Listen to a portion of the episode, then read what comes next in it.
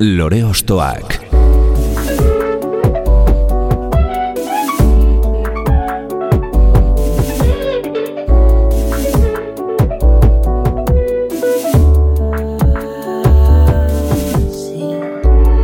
Ekain perezek aurkeztuta, gonbidatu bakoitza lore bat balitz bezala ostokatuko dugu.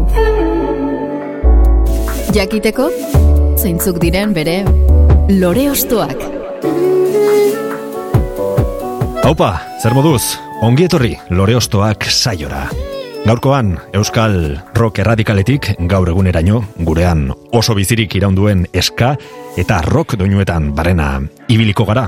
Estilo horretako izen azpimarragarri batekin. Mila bederatzen da irurgoita maikean jaio zen gazteizen, eta betagarri taldearekin Euskal Herriko mugetatik aratago ere jarraitzaileak lortu ostean, modus operandi taldearekin abentura berri bati ekin zion gure gaurko protagonistak. Ibilbide horretan, alboan eraman dituen Euskal kantuak ere pasatuko ditugu, bere kantuak ere aztertu, eta entzuteaz gain. Hau, lore ostoak da, eta gaurko gure lorea, Iñaki Ortiz de Villalba.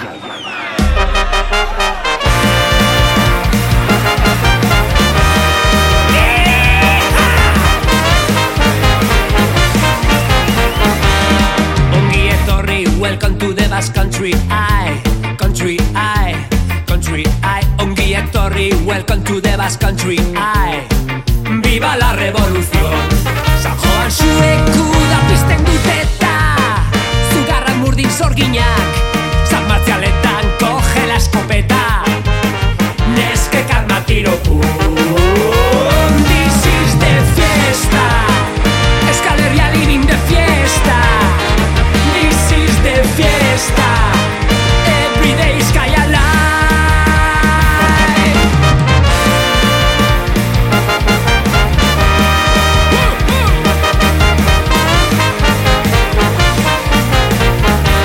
Pandemia gara honetan festaz eta paranda zitzegitea, ia utopia moduko bat denarren, modus operandi taldearen This is the fiesta honekin, nolabait bereskuratu dugu Euskal Herriko jaietako usai edo girori. Eta kantuaren rolloan murgildu bagara, orain kantuaren eta taldearen zimentuak harakatuko ditugu hemen baita gurekin Iñaki Ortiz de Villalba. Kaixo Iñaki, Kaixo, zu ondo zure bai? Bai, primeran hemen, zure laguntzarekin. Aha.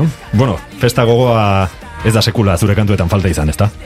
Ez, ez, egia esan, e, horrelako oinarria jarri genituen, nolabait, e, bueno, festa giroko edo dantza, dantza moduko zera talde bat e, sortzea, betagarriren e, badakizu errautsetatik sortu zala nolabait, edo, bueno, nire kasuan jarraita, e, jarrai, jarrai, mm, jarraitasun bat eman nahi niola horrelako lehen egindako musikari ere bai, Baina, ba, bueno, e, bueno mm, ba, genituen, ba, nituen nik kantu batzuk, eta hoiek moldatu nahi nituen nolabait, eta beste diska bat atera, eta horrela sortu zen modus operandiko lehenengo diska, ez da? Mhm. Eta, festa giroko musika egite horretan, gaur egungo kontekstua nola kudeatzen duzue?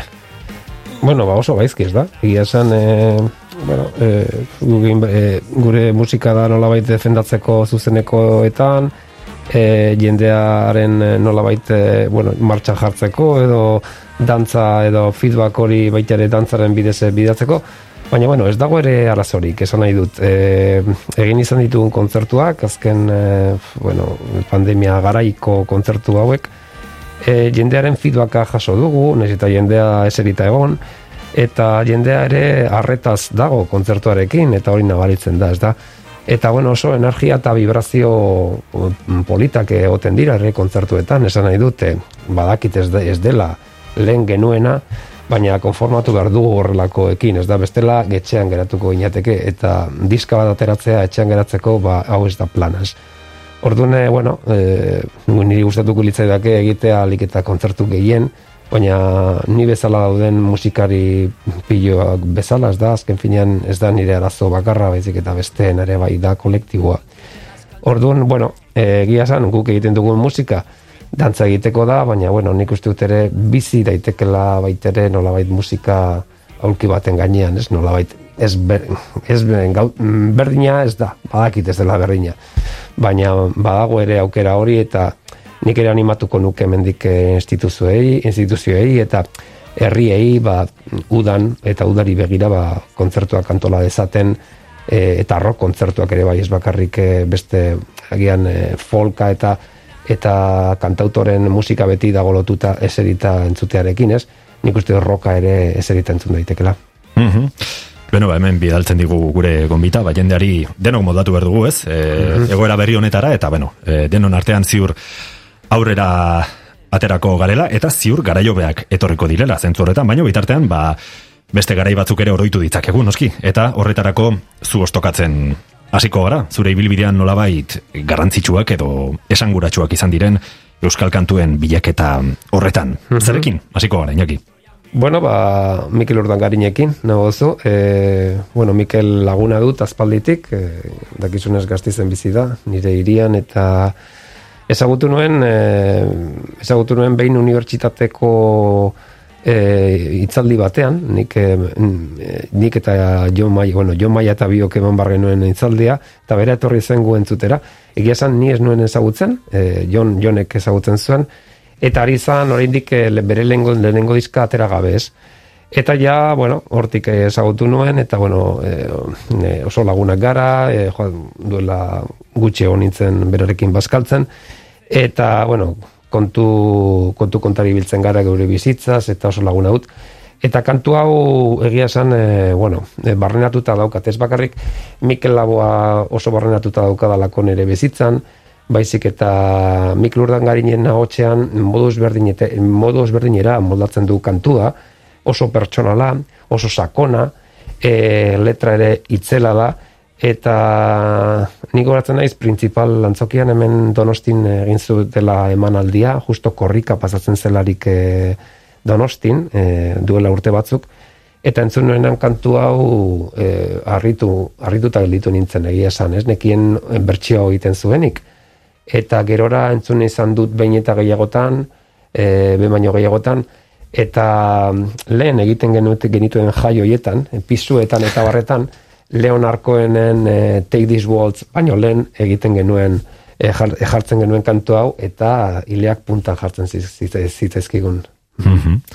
Polita da sentsazio hori ez, abesti originala ezagutzea, eta gero beste modu batera, beste ahots batean, beste arreglo batzuekin, ba, berriro ezagutzean nola bait, ez? Noski, noski, baitu, bueno, betagarrirekin egin genuen, egin genuen larogi 00, zen e, bertxio diska izan zen, e, omenaldi gisa euskal e, kantuei, eta, e, karo, nola baite, eldu ziren, zerbait izatera eldu ziren kantuiek, izan zeiren nola baite, o, lehenengo bertxioa hobetzen zutenak, ez? Eta nire ustez horretan datza bertsio on bat egitea. Nolabait hobetzea edo gailentzea putxo bat lehenengoa osea o, o, jatorrizkoa nolabait. Mm -hmm. Mikel Urdangarinek 2010ko abenduan Bilboko kafe antzokian eskenitako kontzertu batean eskeni zuen bertsio hau eta urte bat beranduago editatu zuen zuzeneko disko honetan. Entzun dezagun Urdangarinen ahotsan martxa baten lehen notak. Eguzkia kurtzen du goia Gailurretako lurra Uarkada jausten ibarra Geldi gaitza den oltarra Gure baitan datza eguzkia Iluna eta izotza Urratu dezaken aragia utuko den bihotza. Bihotza bestain bero zabalik besoak eta eskuak. Gorririk ikustezagun egia argizpeterik buruak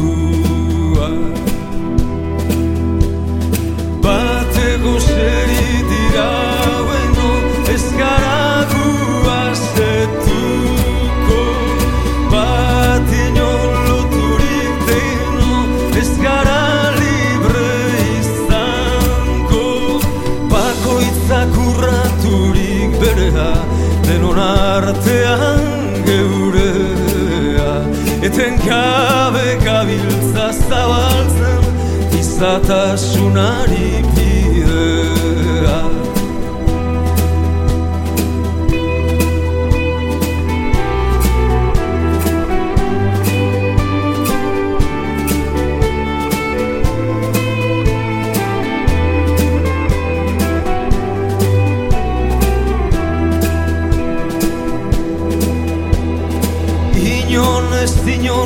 dinor menpekorikan Norbere buruan jabe Herri guztiak bategin ikan Ez gabiltzak errorik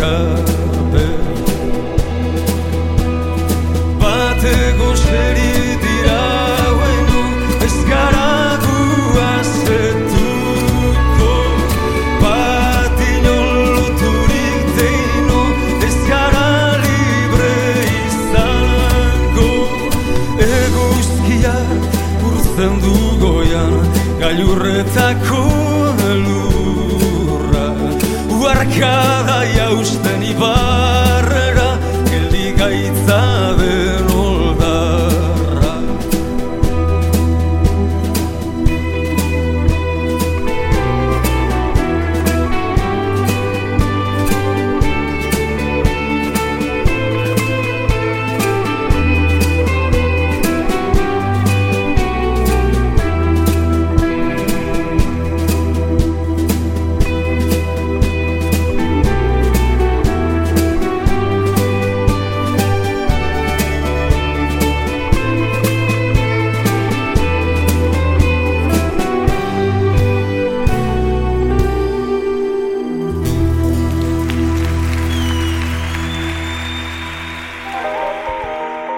Lore Ostoak.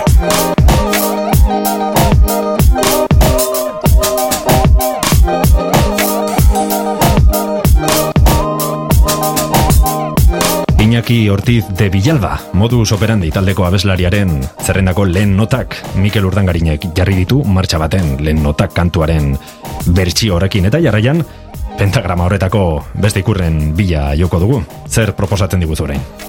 Bueno, proposatuko izuet e, talde aski ezaguna.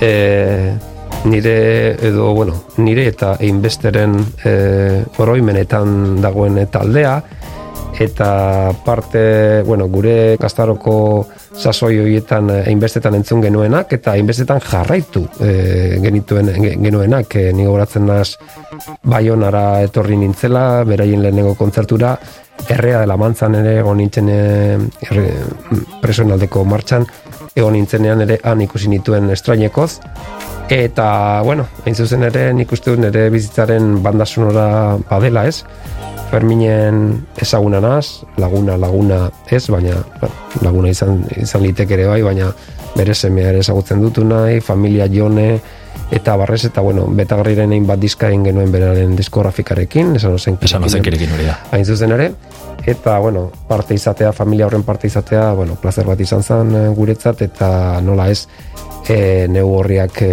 aipatzea, ez gure e, ostoen e, saio honetan, osto bat e, balitz bezala baita ere gure zuaitzetakoa da, edo nire zuaitzetakoa. E, Amodiosko kanta da kantua, e, Radio Rajim kantua ere oso oso gustoko nuen, bueno, egia esan kantu guztiak hoi dira aipagarriena Radio Rajim goratzen naiz ni e, entzun nuela bideoklipa ikusi nuelea, nu- nuenean ere hartu nuela esusteko handia, uste dute telebista espainolako programa batean, plastik programan e, ikusi nuela, eta harritzeko izan zen, karo, lehen ez zegoen internet, internetik, orduan bideoak ikusteko bide bakarra zen telebista. Eta goratzen ez ikusi nuela eta flipatu nuela, ez? E, ikustea rock alternatibo euskaraz hor Espainiako komunikabideetan, eta harritu ninduen horxegatik radio rajin bere banuen ere kantu bezala bideoagatik batez ere, e, baina modioso kanta baita ere, bueno, ba, e, nahiko bihotzak e, bihotza ikutzen, ikutzen didan kantua da, eta, bueno, ona ekarri nahi izan dut. Amodio historio ezberdin bat kontatzen da bertan ez, zoritxarrez gure herrian oso ohikoa den maitasun historioa. Hori da, ez da, hainbeste eta hainbeste familia sufritu eta pairatu dutenak, eta, bueno, e, e, espero dugu, nik uste dute pixkanaka badoa e, konpontzen ez, asuntua, baina, claro, amoiesko kanta, bueno, da, ez, e, milaka kilometrora dauden pertsona horien e, e, bihotzak eta gogoratzeko, eta beraien nolabait familiaren gan dik e, separatuta daudela basalatzeko nolabait, ez, eta, bueno, oso kantu mm, bueno, mm, sakona eta eta bihotzekoa, ez da bihotzetik egin da. Pentsatzen dut, estilistikoki muguru zanaien ibilbideak, zer esan izango zuela zure bilakaera horretan ez, negu horriak edo kortatu moduko taldekin. Bai, noski, e, ona bakarrik gerri dut negu horriak bietako bat aukeratu behar noelako, eta, bueno, kortaturen e, eman, e, eman, eman kortasuna edo izan dela gehien bat e, erdarazkoa kantuekin edo Bai. e, eta ja azkenengo dizkan kolpez kolpen ja nabaritzen zan e, pauso bat eman bar zutela beste, beste bide batzuk hartuta, ez? Nabarite, haikako bete, veteranoetan, eta barretan ja nabaritzen zen hip-hopa edo rapea, rapeoa, eta ja eman zuten ja pausoa beste proiektu bati barrera egiteko edo edo azteko, ez da. Eta bai, noski, e, e, guk e, guztiok erreparatzen diegu besteek egindakoari, eta guk e, claro, erreparatu genion nola baiti hainbat ideiekin eta barrekin, eta bueno, azke finean gure gogoko taldeak ziren, ez? Ez bakarrik e, e, ni beti esaten dut, bueno, ba, e, referentziak izan ditugu mm, kanpoan, internazional mailako e, zea taldeetan, baina baita ere bertakoetan, ez da? Eta noski, e, kortatuta neugurriak izan ziren e, oinarriak edo nolabait referenteak e, bai betagarrirekin e, egin genituen kantuak e, bueno, hoien e, hausnartzeko edo nolabait e, kantu hoietan e, aurre egiteko eta mus operandin, ba bueno, mm, baliteke ere bai, ez? Horre, horrelako zerbait egotea horra atzean, eh? Oinarrian edo zerbait egotea, ez? Entzun dezagun ba, Iñakiren urrengo lore ostoa, mila bederatzen da laurogeita amareraino egingo dugu atzera, Fermin Mugurza eta konpainiarekin, negu gorriaken lehen diskoko abesti bat da, amodiozko kanta.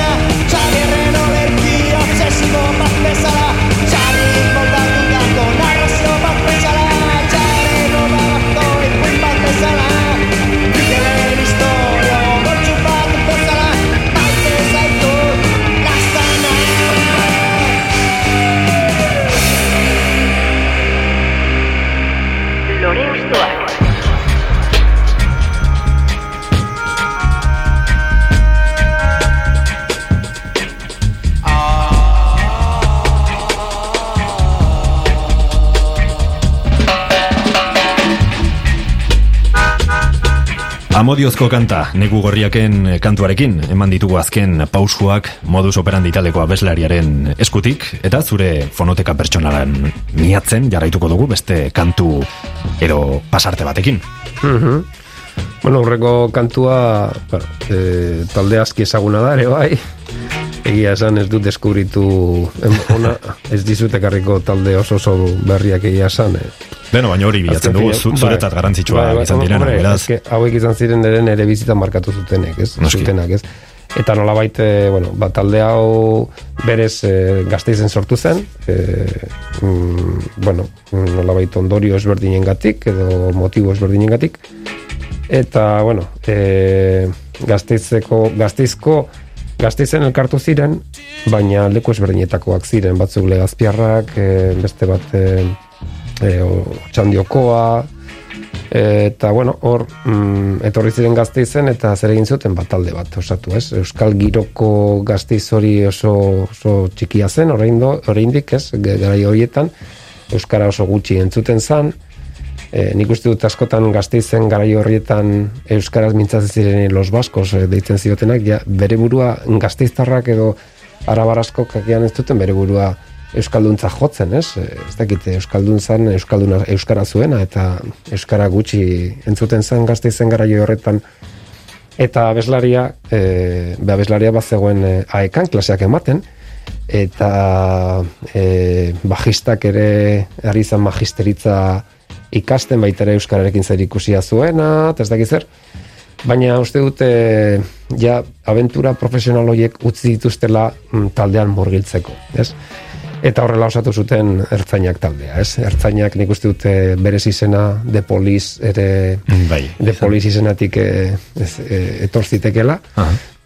Eta e, gogo, gogoan dut oraindik e, nire ustez Euskal Rokaren obra maestra dena, ez lehenengo diska, txuria, irekitzen zenuela zuk biniloa, eta topatzen zenuen horrelako polizia euskalduna, txapelarekin, eta porra bat e, jotzen zi, e, irekitzean egiten zuen horrelako Joku hori, ez? joku bat porra, porra ere e, jotzen zintuen zu oporrak eta eta bueno oso divertigarria san, ez? Claro, orain e, gogoratzen naiz garai horietan e, polizia, euskal poliziak e, ba bueno, oraindik e, mangerekin e, e, sakabanatzen zuela jendea, e, garai horietako ikasle, irakasleen e, manifestazioak zeuden, eta nahiko polizia ez dakit eh, nola esango nuke nik eh, polite zala, ez? Ez zela polizia oso era sokorra, E, bueno, nola baite hor badago protokolo bat, azken finean, polizia guztiek eh, herri bakoitzean badute modu bat, e, modus operandi Modus bat. operandi bat hori da. Hori da, ez? Eta agin,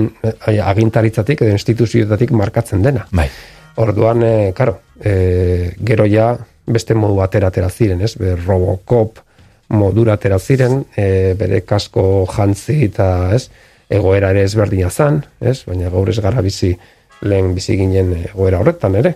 Orduan, e, bueno, hor beste kontua da, baina, bueno, hori ja da, e, Bai, askorako e- e- emango liguke, ez? Hori da, etortzen zaita purtsu bat, eta gero e, azalaren kontrakoa, ba, bai, gogoratzen naiz e, argazkiz beteta zegoela, haien argazkiak, ez dakize kolas bat zan, oso diska divertigarria e, kanpotik eta barrutik, ez? Nire ustez ertzainak lehenengo diska da, e, nire bizitzako ez bada garrantzitsuena, e, roka ulertzeko eta euskal kultura ulertzeko, ba, en, e, enetariko bat, ez? Eta zein kantu eta agian, agian e, egia esan, bereziena niretzat e, daukan e, nahaste eta kolasa gatik, e, arrauz bat pinu batean da, arrauz bat pinu batean oso gutxitan jotzen zuten zuzenean, oso kantu komplexua zelako ere defendatzeko, eta zen entxalada bat, baina niri entxaladak asko gustatzen zaizkit egia esan, e, e, ni naiz e, fan amorratua, ez? E, nahazteaz, e, musika Bai. nahazteaz, eta eta kolorez berdinak ikustea kantu batean, eta, eta bueno, lortu zuten kantu honetan, ez da? eta uste dut, oker ez banago letra, ez bada nagusia, autoren nagusia parte hartu zuela neurri handi batean e, Karra Elejaldek. Karra Elejaldek egin zuen diska horretako zenbait kantu, e, karrele jalde garraile horretan, aritzen zan, ba, bueno, bere gauzatxoak egiten, antzerkian, gazteizen, eta baitere egiten zituen ba, horrelakoak letraekin kolaboratu, eta gero igotzen zan baitare e, estenatokira, e, performance egitera, eta guzti hori ez. Orduan, e, karo, nik kantu hau gogoan daukat horresegatik, ez, e, nola baite ezberdina delako, ez da roka, da eska, tropikal, kutsu, kutsu horretatik doana, eta esan behar dute kursalen egin zuten kontzertuan, e, ertzainak e, taldekoek, e, azken kontzertuan, e, joan nintzen ikustera, eta kantu hau e, jorratu zutela bikain. Eta egia san, bueno, Gustura geratu ba, bazinen, eta flipatu nuen, eta gustura geratu nintzen, eta san nuen babaitu. E, hemen orain daukat aukera, Claro, beti etxo, eta zer ez da berdin, Bai, bai, bai. gu egin genuen etxo ere ez, eta beste kantu gogoko bat da No Time for Love, e, Bai. kantu mm, eharra, e, baina, klaro, bertsio bat da. Hori da, Orduan ezin nuen ekarri bertsio bat. Primera, bueno, ba, guazen ertzainak taldeak irudikatzen duen Euskadi Tropikal horretaraino, mila beratzen da laurogeita lauean, egingo dugu horretarako urrengo geldialdia, arrautz bat pinu batean kantua entzuteko. Hau da, Iñaki Ortiz de Bilalbaren urrengo loreostoa. Gaurko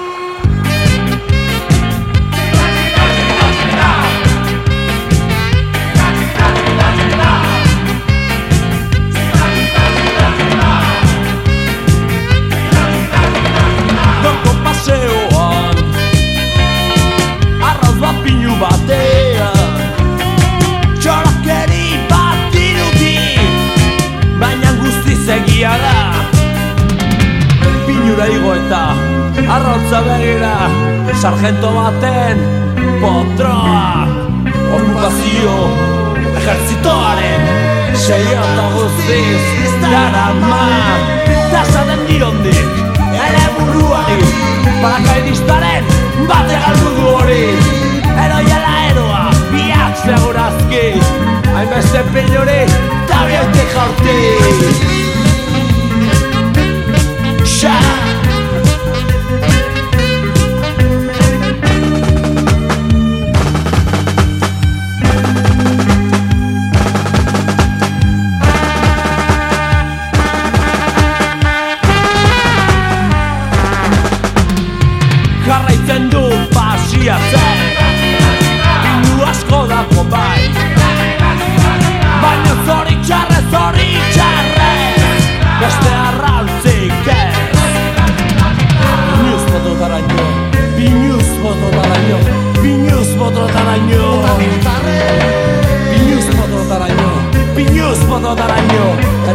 Eta militarrez Nola esan Leraien pinuak Honera ekarri Dolain bere arrauz Usteak utzi Hobeto genduke Hartuta pinukin Guztiak kanpora Bilatzea ementzin Baina eroi bat Izan baduzu Hobei purdian Tira bat bota zazu Aurrazmoa Aurrazmoa Aurrazmoa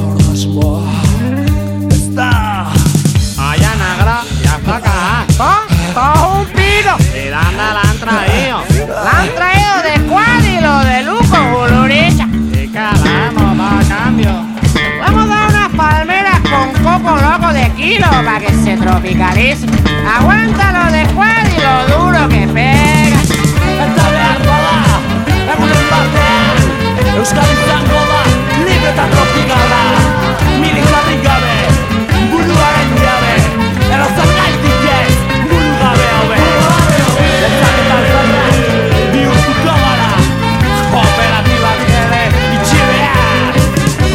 Urtetatik deskarrekatua Ni beteko edo zein pekatua Ni beteko edo zein pekatua Ni beteko edo zein pekatua Euskal txokoetan Platerik horrena Bermioko iguana Pinpilean Zarregatzarien Landuko dituzte Kokoteruak Inuen ordez Arrazalde osoan Siesta guzietan Marsa la raza ezkek eta nasa eta taia kon dagoan da tra pirateria pasa kalidada eta buka zeku gernita farola farola dira ibartu zorare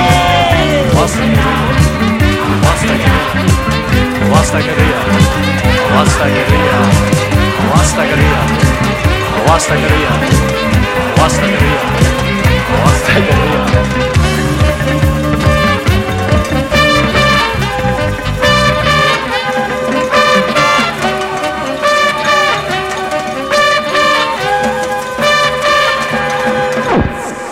Ekain perezek aurkeztuta, gonbidatu bakoitza lore bat balitz bezala ostokatuko dugu.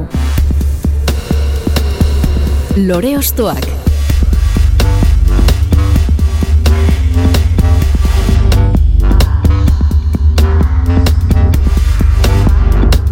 Modus operandi taldeko inakirekin jarraitzen dugu ostoz-osto bere proposamenak dastatzen gari eta konpainia hartu ditugu azken minutuetan Euskari Tropikal horretan, biziko zeinak ezu Euskari Tropikal batean. noski baietz. Gustura, noski ez? Nik uste dut, eh, em, Euskal Herrian behar dugula kolore gehiago eta hotz gutxiago. Egia esan. Ba. Eta hor, mm, paradisu tropikal batean biziko ginatekela asko sobetu ez. Aha. Beno, bertzaina kalde batera utzita zeintzuk datoz orain. Bueno, ba, egia esan, e, talde hau e, badaukat de viniloa etxean, baina egia esan e, e, ez nintzen fan amorratua, egia esan berarena, baina harritu ninduten, ez? E, e, pop eta rock stonerretik nahiko hurbil zeudelako, e, nola baite, ostea, mm, baita ere garai horietan e, irekizi izkioten begiak eh, hainbat eh, pertsonari, ez? E, nik uste dut gaztean e, entzun nuen estrainekos kantu hau, Ah. ezkadi gaztean, e, gaztean beti, bueno, agian beste moduko musikak zeuden, baina ni deskubritu nuen gaztea, gazte irratiagatik, baita ere horsegatik ekarri dutona, ez?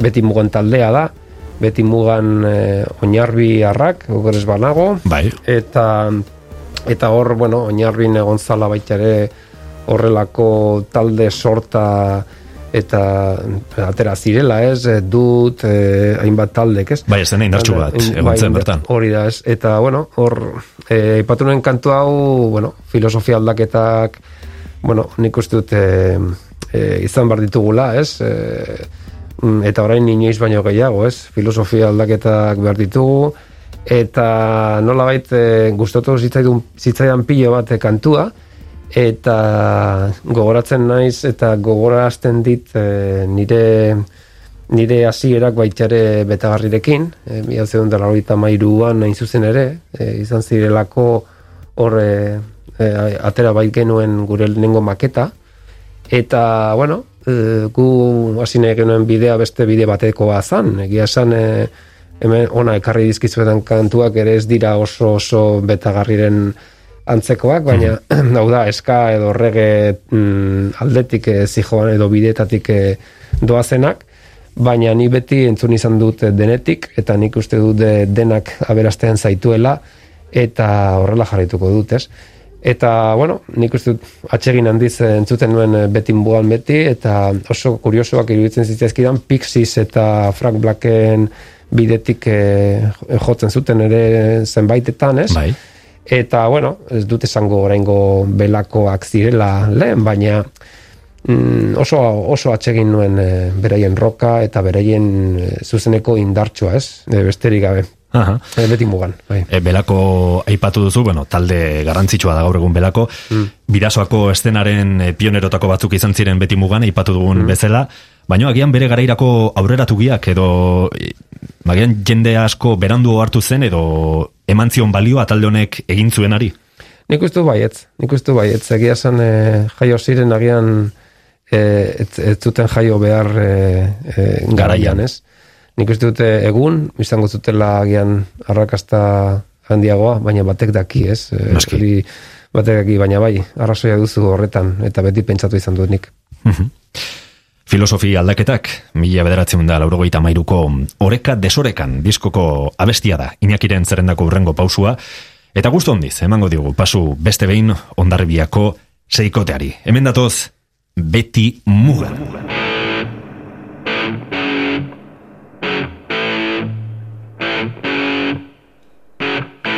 Filosofi aldaketak Tabernetako komunetan Galdutako zenak bila Ni ez banaiz nizu nortzera. Gozenago eta zu hor Ez gera inoiz azekuko. Sexu otak eta eriotak Kakartzate beti honuta Ez gera inoiz azekuko Jakeruak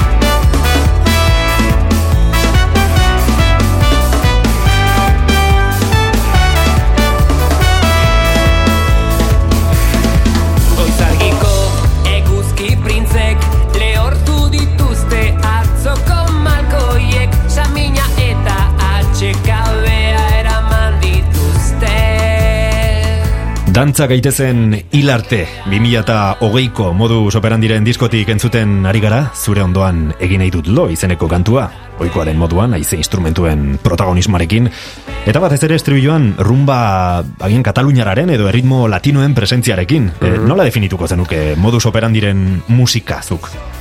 Bueno, egia esan, bigarren diska honetan apostua eh, egin dugu beste dantza egiteko beste musika mm, batzuengatik, ez? Eta, bueno, egia esan, e, egitean kantuak, bueno, nik guztiz bestelakoa izatean nahi nuen, hau da, e, anitza, e, ez bakarrik eska soilean geratzea, lehenengo diska ezberdina bada ere, e, nik uste dute nahiko antzekoa dela mm, badaude adibidez hiru kantu oso antzekoak eta niri zait asko gustatzen egia esan abeste guztiak e, em, hildo beretik joatea, ez? Nik uste dut e, aberastasuna mm, dagoela putxo bat diska anitza egiten baduzu, ezberdina, kantuen arteko musika doinuak, ba, eska bat egitea, baina gero saltxeroa den beste bat, gero abesti errege bat, ez? jokatzea horrekin, azken finean e, horre ematen digu aukera musikak horrelakoak egiteko, ez da? Eta, bueno, ni hau mm, zan e, buruan eukan estribillo bat, mm, ba, nekien dantzagarri izan bar zuela horrelako, ba, bai, ba, baduela erdi, erdi merengito, Bai. edo, date zenan, guaztenarero. Gorputza Azere, mugitzera orduan, zaitu, ez? Claro, hasi nintzen ja, eta jantzen hasi nintzen, ba, askotan ni hasten naiz ja, abestea jantzen istribiotik, ez? E, ba, bestea eskaba zurekin, na, na, na, na, zurekin, na, ah, zurekin, eh, eta ba, ba, da zure ondoan, na, zure ondoan egin nahi dulo, pues venga, ba, bien, sí.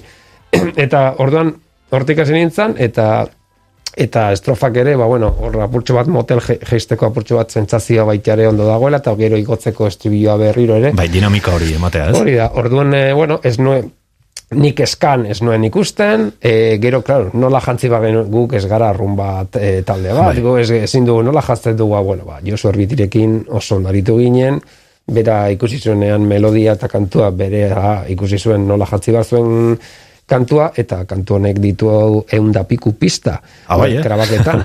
Osa, jantzi du e, gogotik e, kantua, eta nabaritzen da. Osea, daukan soinua, daukan e, diztirak eta soinutxoak e, erak landutakoak dira gehien bat, eta bueno, gero bandaren partaidetza baitera ikusten da, ez? Baina hori, kolore hori ikusten da diska osoan zehar, egia esan, jantzi ditu bera kantuak e, inor baino hobeto, eta kantu honetan ikusten da nahi dugu urrengo singela izatea, eta duela hemendik gutxira aterako dugu bideoklipa. Aha, bueno, ba, atentu egongo gara hor Bai. ikusteko.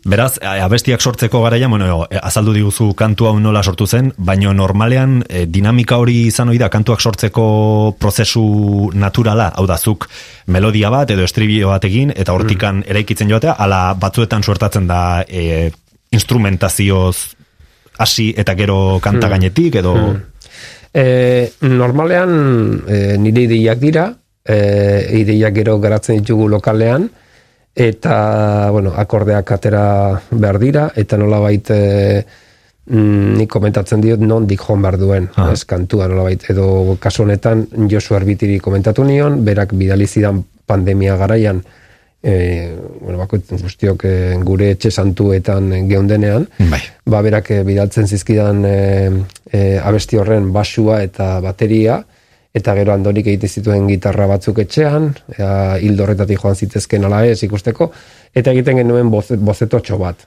nahiko kaskarra, eh? Ez, entzuten, Bai, bueno, lehen ideia bat, ez? Hori da, baina bueno, urbiltzen zan apurtxo bat, e, nire ideia oinarrizko ora, eta gero ja udan ja garatu genituen behar bezala, eta baldin badago badaukagu, hau da, askotan zu dokasun abestia buruan eta gero orkestazioa edo gerokoa ez, da, ez dator bat, ez? Bai. Guztiz aldatzen da, eta zu ez zenuen hori nahi. Baina oraingoan, izan dituen kantu guztiak hobera egin dute. Ez da, ez dute egin atzera edo esan, ba, nik hau ez nuen nahi, ez, ez, ez, guztiz, e, eta hori da komunikazio bat dagoelako, eta hartu emana itzela dagoelako bandan, ez? Lore Ostoak.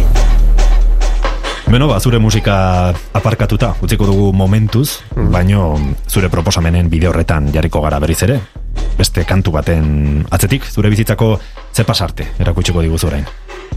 Bueno, e, e, niri metalakaina e, stonerra eta roka asko gustatzen zait. E, egia esan, e, bueno, e, modus operandi egin baino lehen e, elkartu nintzen Madrilgo abeas korpuseko jendearekin eta baditu hor kantu batzuk oraindik e, izoz daudenak, izoz gailua izostu genuelako proiektu hori, hain zuzen ere.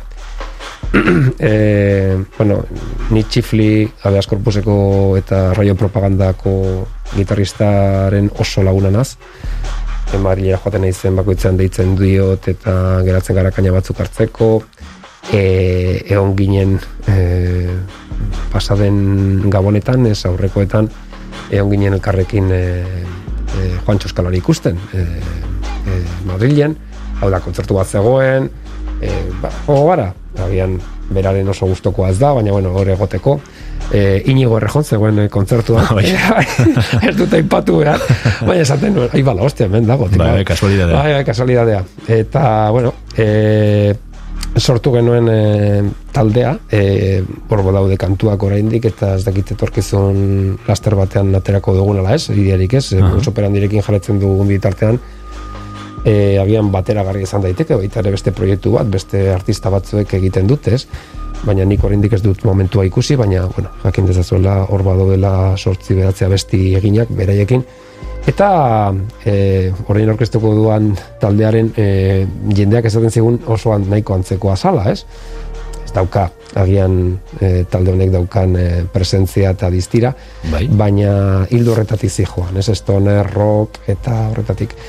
E, bueno, e, gure taldea hor geratu da, izoz gailuan, baina hauek e, izan zuten bere arrakasta, ez, e, 2000 garren urtean, kuraia taldea da zuzen ere, e, garai horretako, ba bueno, taberna, oi taberna guztietan jartzen zen ta, e, taldea zan, tabernetara joan gintezkeen, ez?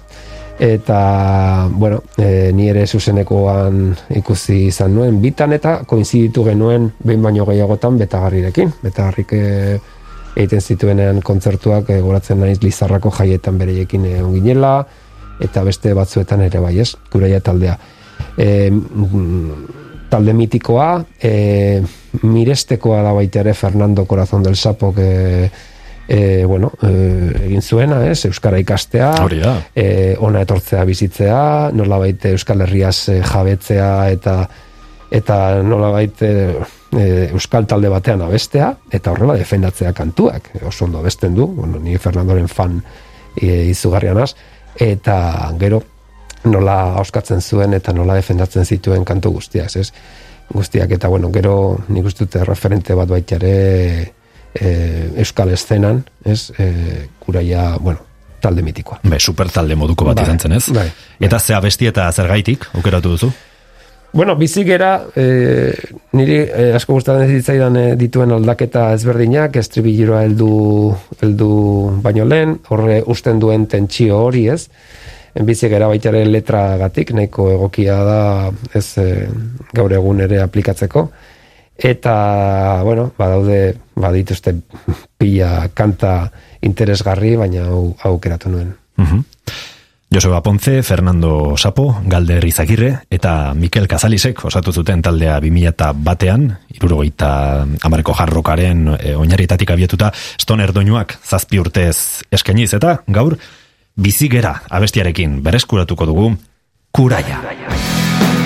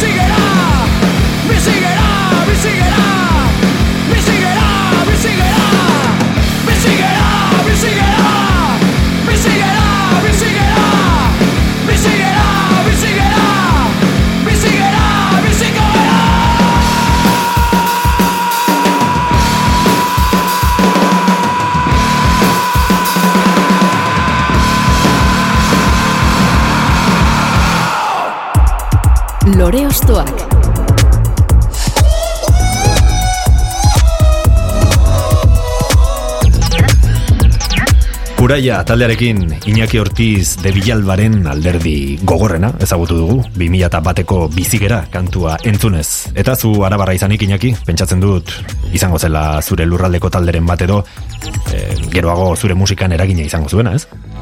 Noski.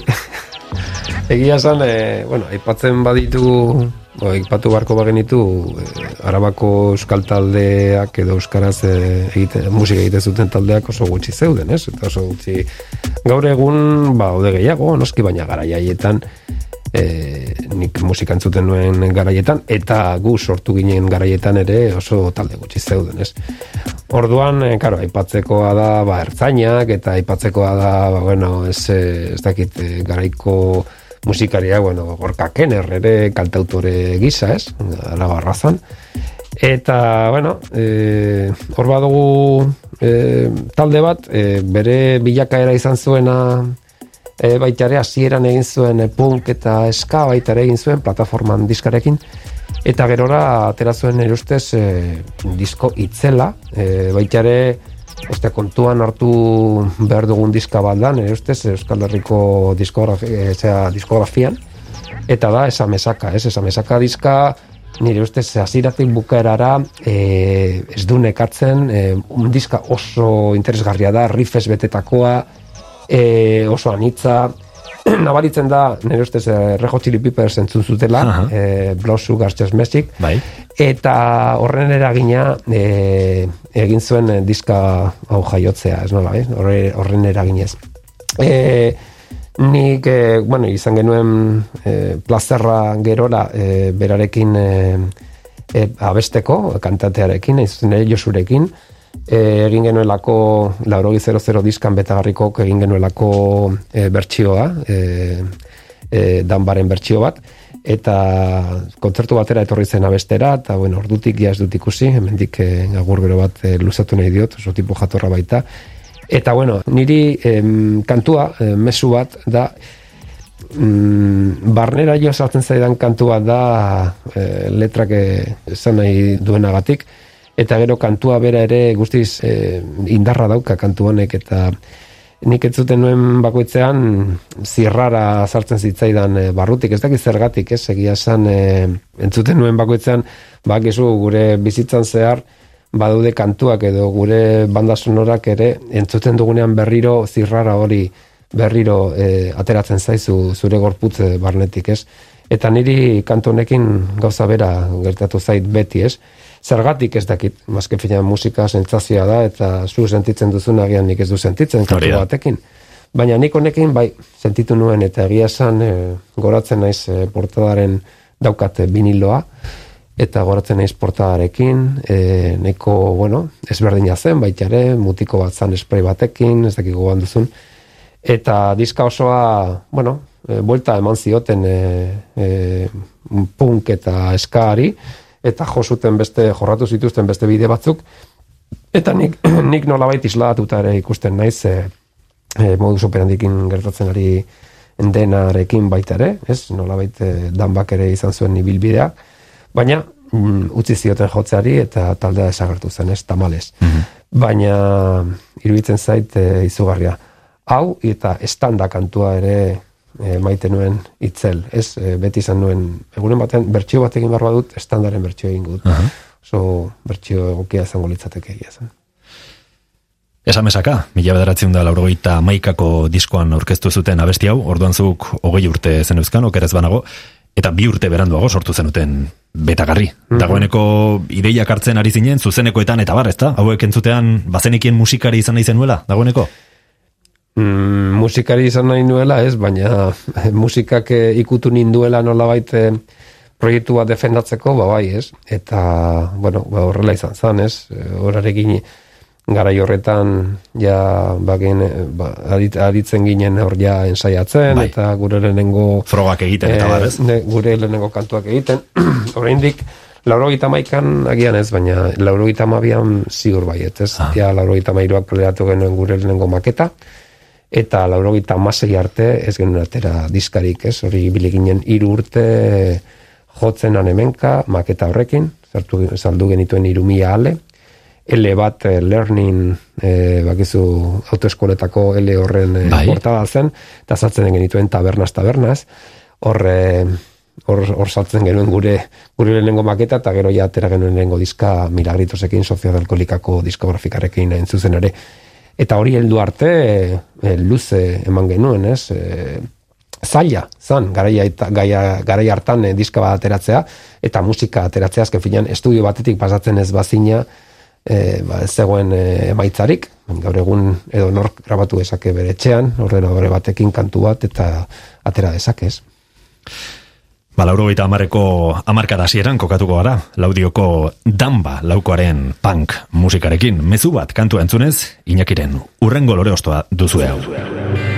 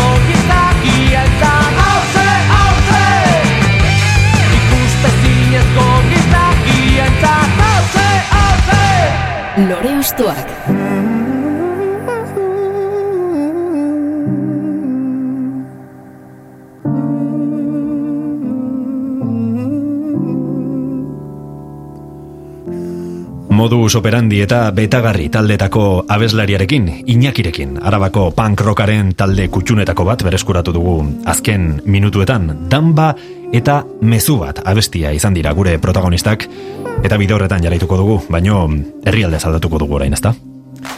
Ba bai, nola bait, e, gara e, mugara, ez? Mugak ere eman ditu herri horretan talde ugarik eta pertsonaia ugarik. Eh? Bai, hor Frantziarekin, bueno, iparraldearekin eta kasu honetan Frantziarekin gertutasun horrek Noski. zerbait suposatu zuen musikalki ere, ez? Beitu, mugatik nahi ustez eta itxasotik gertu egotea, beti kanpora irekitzeko aukera zeukatela e, pertsona horiek, ez? Bai. Zaifenean, bai, bueno, beste herri batzuetako jendearekin harremanetan egoteko, edo beste herritatik zetorren hori jasotzeko, ez?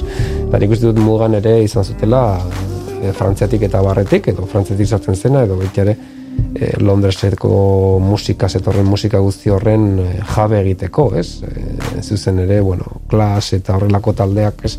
Hain erraza ezan gu haietase jabetzea, edo haien diskak izateaz, edo ez dizen bat zegoen jendea Londresera joana, disken bila, e, ona ekarri, saldu edo, edo jarri, eta gero, Hori Beste aventura batzuk ziren, ez, gara Hori zen, hori zen, orain gaur egun dago, daukazu mugikorrean dena, hori guztia. Baina gara jaietan, ba, bidaiatu behar zenuen, edo muga batetik gertu egon behar zenuen, ez? Nire ustez ere, askotan, e, bueno, errazagoa zan beste, e, beste modu batera lortzea diska hoiek eta guzteri.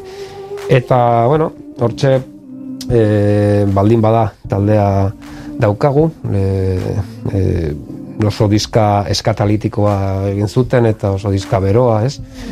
Eta ne ustez e, e, berez ibilaldia, ibilaldia kantua e, e, ibilaldi nik uste, ibilalde baterako entzuten bai, kantua bai, izan zen, ez? Eta da, e, ez dakit, e, euskal folka eta eska ondoen hartzen duen kantua da, ez? E, jai girokoa zenbatetan entzun dugu baitere jaietan, e, gu baldin badaren kantua ere jo genuen eta bueno, e, jendeak e, oso ondo hartu zuen, ez? E, e, baldin bada kantua. Bai, taldearen izen bera daraman kantua, ez? Hori da, bizi nahi dut al baldin bada, ez? Eta, bueno, moldaketa egin genuen, eta oso ondo funtzionatzen zuen e, zuzenean, eta jende asko ezagutu zuen baita ere baldin bada kantu horrengatik, ez? E, bueno, hainbat talde bezala, diskurretakoak, ez? Bai. Kataluniara joaten ginenean ez duten ezagutzen bertako hainbat musika, ez? Eta Doktor Deseo, adibidez, e, la txika batzok ipetzaten zuen jendeak e, e, Doktor Deseok egindako kantua zala, gurea. Eta, eta, eta, karo, hori, hori frantzisek esana, niri. Jendeak esaten dit, ea, egin dugun betagarriren bertxioa, bai, sentitzen dut. Bai, bai, gertatu dira horrelako Sentitzen dut, zuzara hemen nagusia, eta zuzara hemen el maestro, eh? Bai. Orduan, gu, gu ikasleak besterik ez gara e, baina bakizu horrelakoa gertatzen direla bertsioak egiten direnean, ez? Mm Eta kasu honetan, bueno, aukeratu dute kantu hau, e, nik askotan jartzen, triste nengoenean, e, askotan jartzen nuen kantua zan, e, gogora azten dit e, Euskal Herriko laurogei eta marra markadako e, ba bueno, bai topaguneak zeuden, zeuden topaguneak zeuden e, jaietako giro hori isladatzen duen honenetarikoa da, ez? E, ibilaldia kantua, ez? Mm Zure oinarri musikalak ezagutzen ari gara nolabait, eta hemen beste behin bete-betean zuren erabezaroan sartu gara, mila bederatzen da laurogeita seikoa baita, lurazpian bukatuko duzu diskoa, eta bertakoa da, ba, esan dugun, e, zirtzart edo ibilaldia, e, abestia, egon zinen ibilaldi hartan? Ez, ez, ez, keba, keba, keba ba, bilalde hartan ez nik, oso gazte zinen oso gazte bai, bai, bai. Ez, ez, ez, nintzen egon mm -hmm. ni gainera, bueno, ez dakit eh, noiz hasi nintzen joaten horrelakoetara baina, bueno, behin hasita joaten ginen guztietara ia, ia. baina batez ere e, joaten ginen herri urratxera bai. beti, eta bero gara euskara zera eta, claro, ibilaldi eta kilometroetara gutxiago joaten ginen, gutxiago mm Beno, ba, bazen gure herriko ska musikaren aitzindarietako batzuekin, irundik, mila bederatzen da larogeita seietik, okasionetan zirtzart edo ibilaldia bestiarekin hartuko ditugu, baldin bada.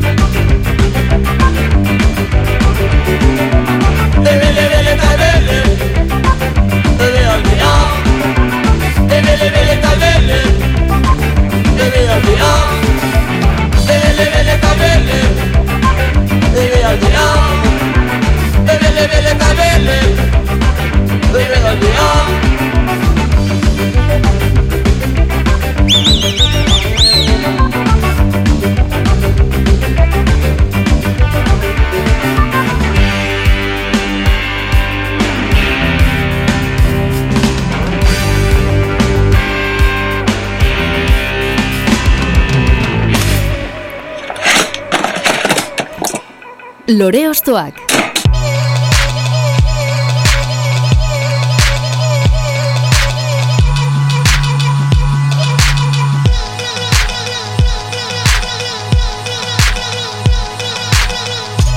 Festa giroko taldea da modus operandi eta gure festa horietako abesti batekin. Mila bederatzen da laurogeita zeiko ibilaldiako abestia izan zenarekin topatu gara inakiren eskutik, baldin badaren zirtzart edo ibilaldia kantuarekin hain justu eta amaierara iristen ari gara, azkeneko zure petaloa askatuko dizut, inaki.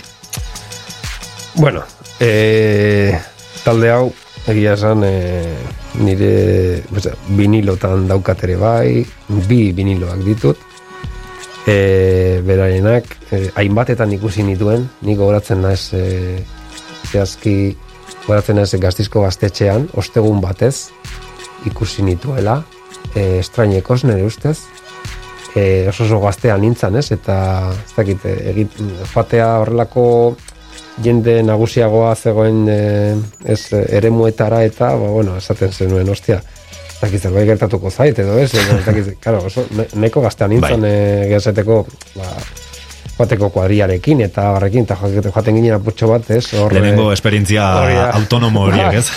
apurtxo bat, ez? Eta, karo, e, gaztetxea, bueno, ez okupatu berria, baina, bueno, ja martxan zegoen gaztizko gaztetxe historiko hori ez, eta gogoratzen naiz, e, ba, delirium tremens ikustea. Eta ni biltzen nintzen jendea mm, beste musika batetik zetorren, bueno, zetek, beste musika eh, entzuten zuten, beste musika mota bat, agian komertzialagoa edo espainola ere bai, nik, beti lagunak eta izan ditut e, guzti, guztietakoak, ez, e, mota guztietakoak.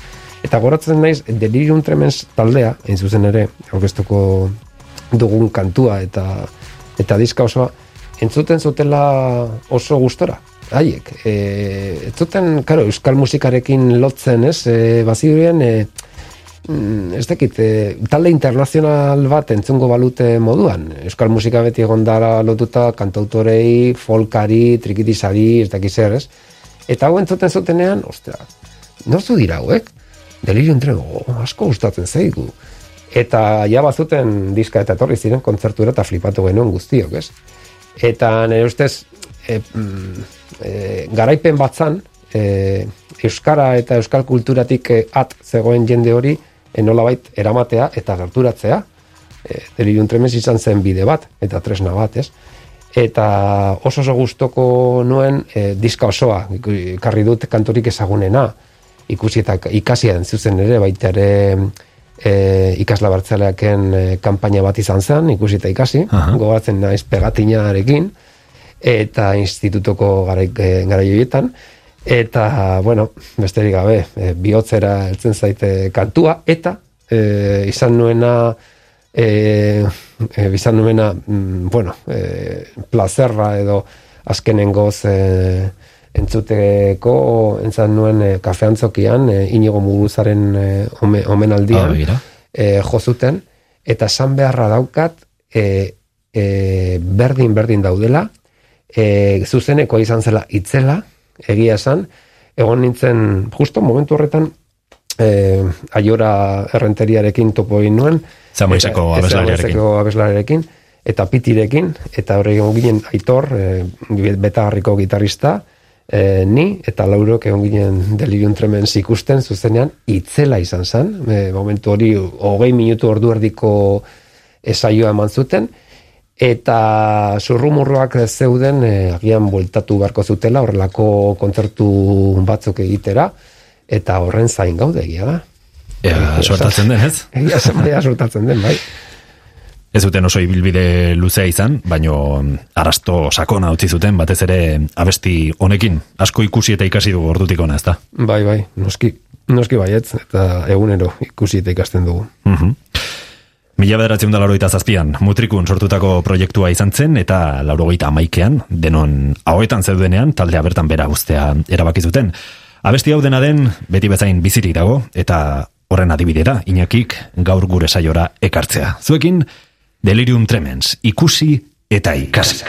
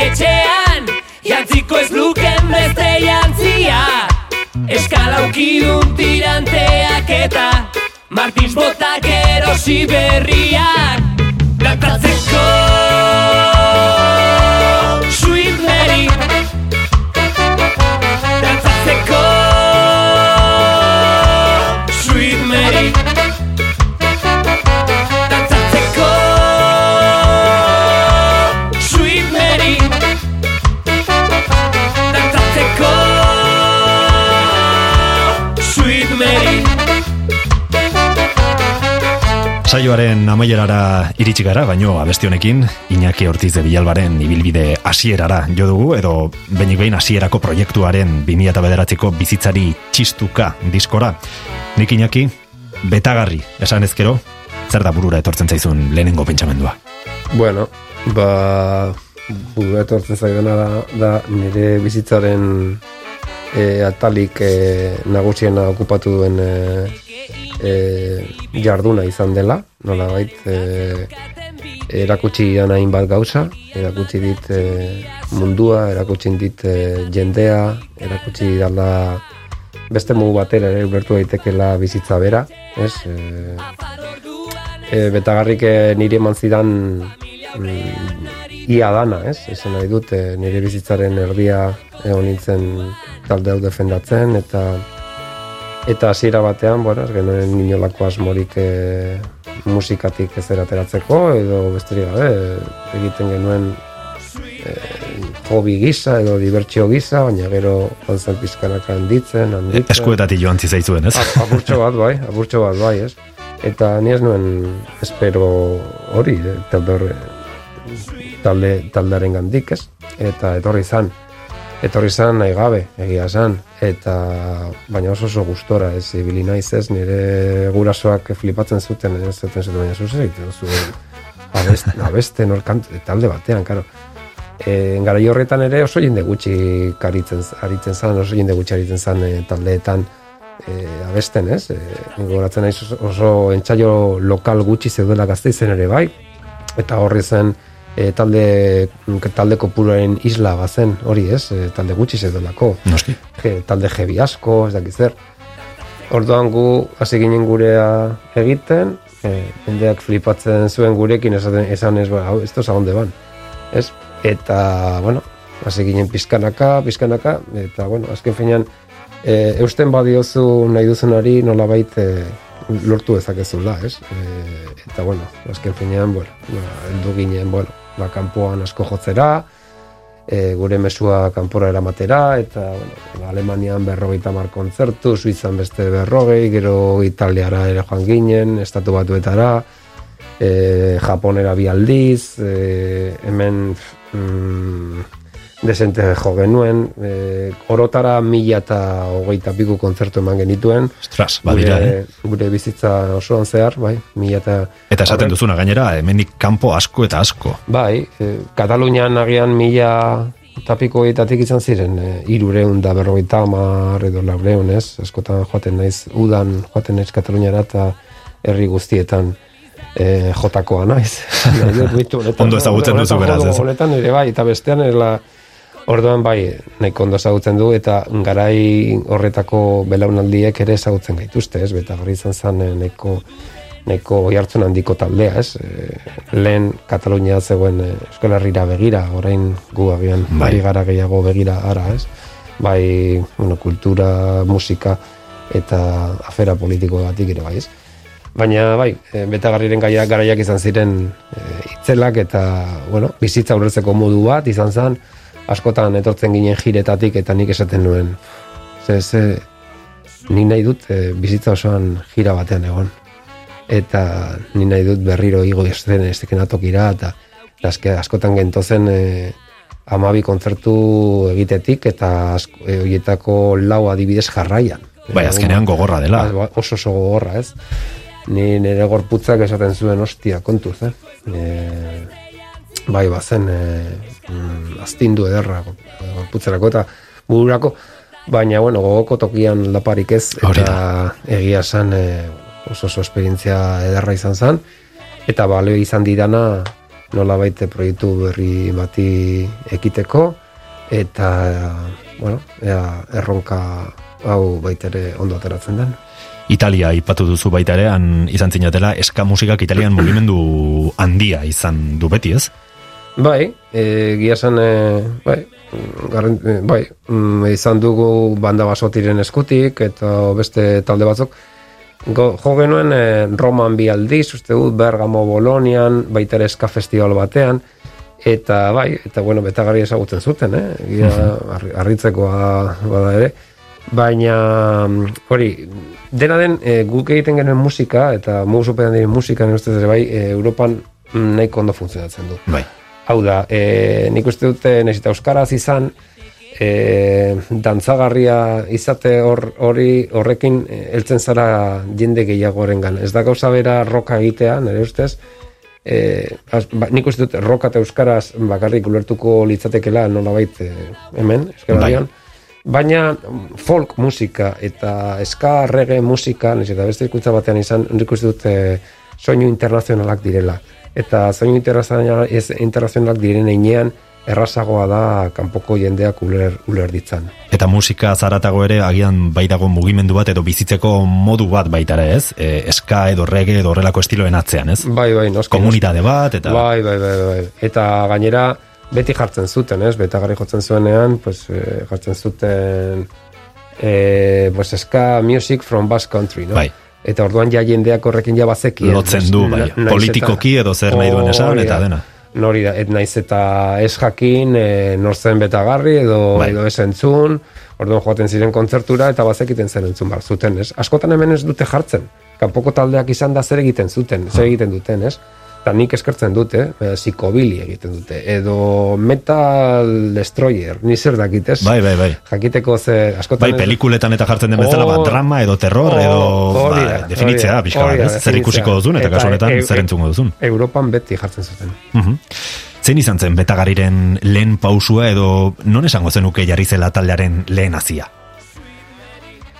Oh, lehen hazia, pf, lehen hazia izan zen hasierako kontzertuetan, ez? E, gaztetxean jo genuen. E, Baina esan nahi dut, noi- noiz e, otu zitzaizuen taldea sortzea edo e, momentu konkretu bat egon zen esan zenutela, e, ba, guazen talde bat sortzea. Bueno, nik ibiltzen nintzen institutukoko l- mm, gero, gerora, betagarri osatu genuen non artean, askota joaten ginen e, festivaletara. Ba, zikatriz ikustera, edo, edo La Polla, edo e, zea Delirium Tremens ikustera, edo esan nahi dut, joaten ginela elkarrekin, edo, edo kontzertu horietan ere topo egiten genuen, eta adia berekoak ez izan. Eta hor sortzen zara purtso bat e, ideia, ez? Egunen batean, elkartu beharko genuke gu horrelako bat e, egiteko. Ba, ba, ni hasi naiz gitarra jotzen, ba, ba, ba nik ez den, bueno, nik, nik e, noizan behin idazten ditut letrak, te nik uste dut abestu ezak edala. Ba, elkartzen gara, ba, elkartuko gara egunen batean, eta elkartu ginen.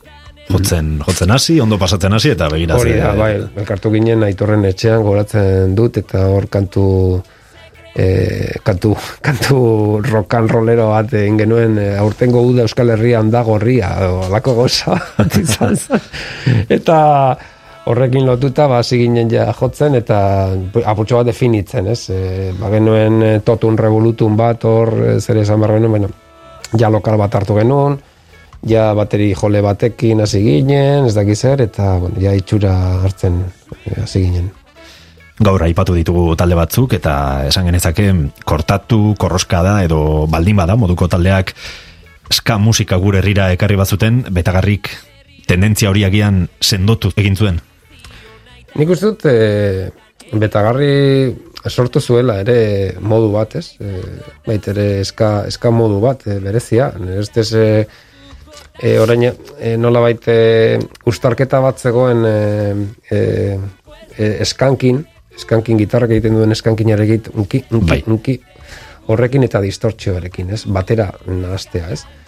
Orduan, e, nik uste dut, e, eska ortodoxoen jarraitzaileen gustokoak ez ginela. Ez, e, nik, horri da dis, distortzionatzea, nola baita eska, ez? Bai. E, da, Bai, purismo horretatik Hori da, hori da, jamaikarra, ortodoxoa, hori ni maite dut oso. Bai. Ni maite dut oso, eta gustatzen zait izugarri.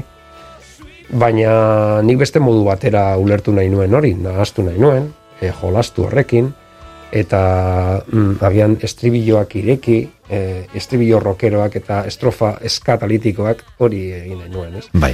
Eta nik uste dut eh, heldu ginela, eta, bueno, mm, gerora ere nire ustez beste talde batzuk atera dira, baita ere ikasi zutenak baita ere betagarri egin zuenaz, gu ikasi genuen, aipatu ditzun talde hoien gandik, eta talde horiek ere ikasi zuten betagarri den gandik, naiz eta askotan guri ez aipatu. Eh, beti esaten dute ez, guk entzuten genuen ez dakizea. Bai. Eta, baina, bueno, berdin dit, eh?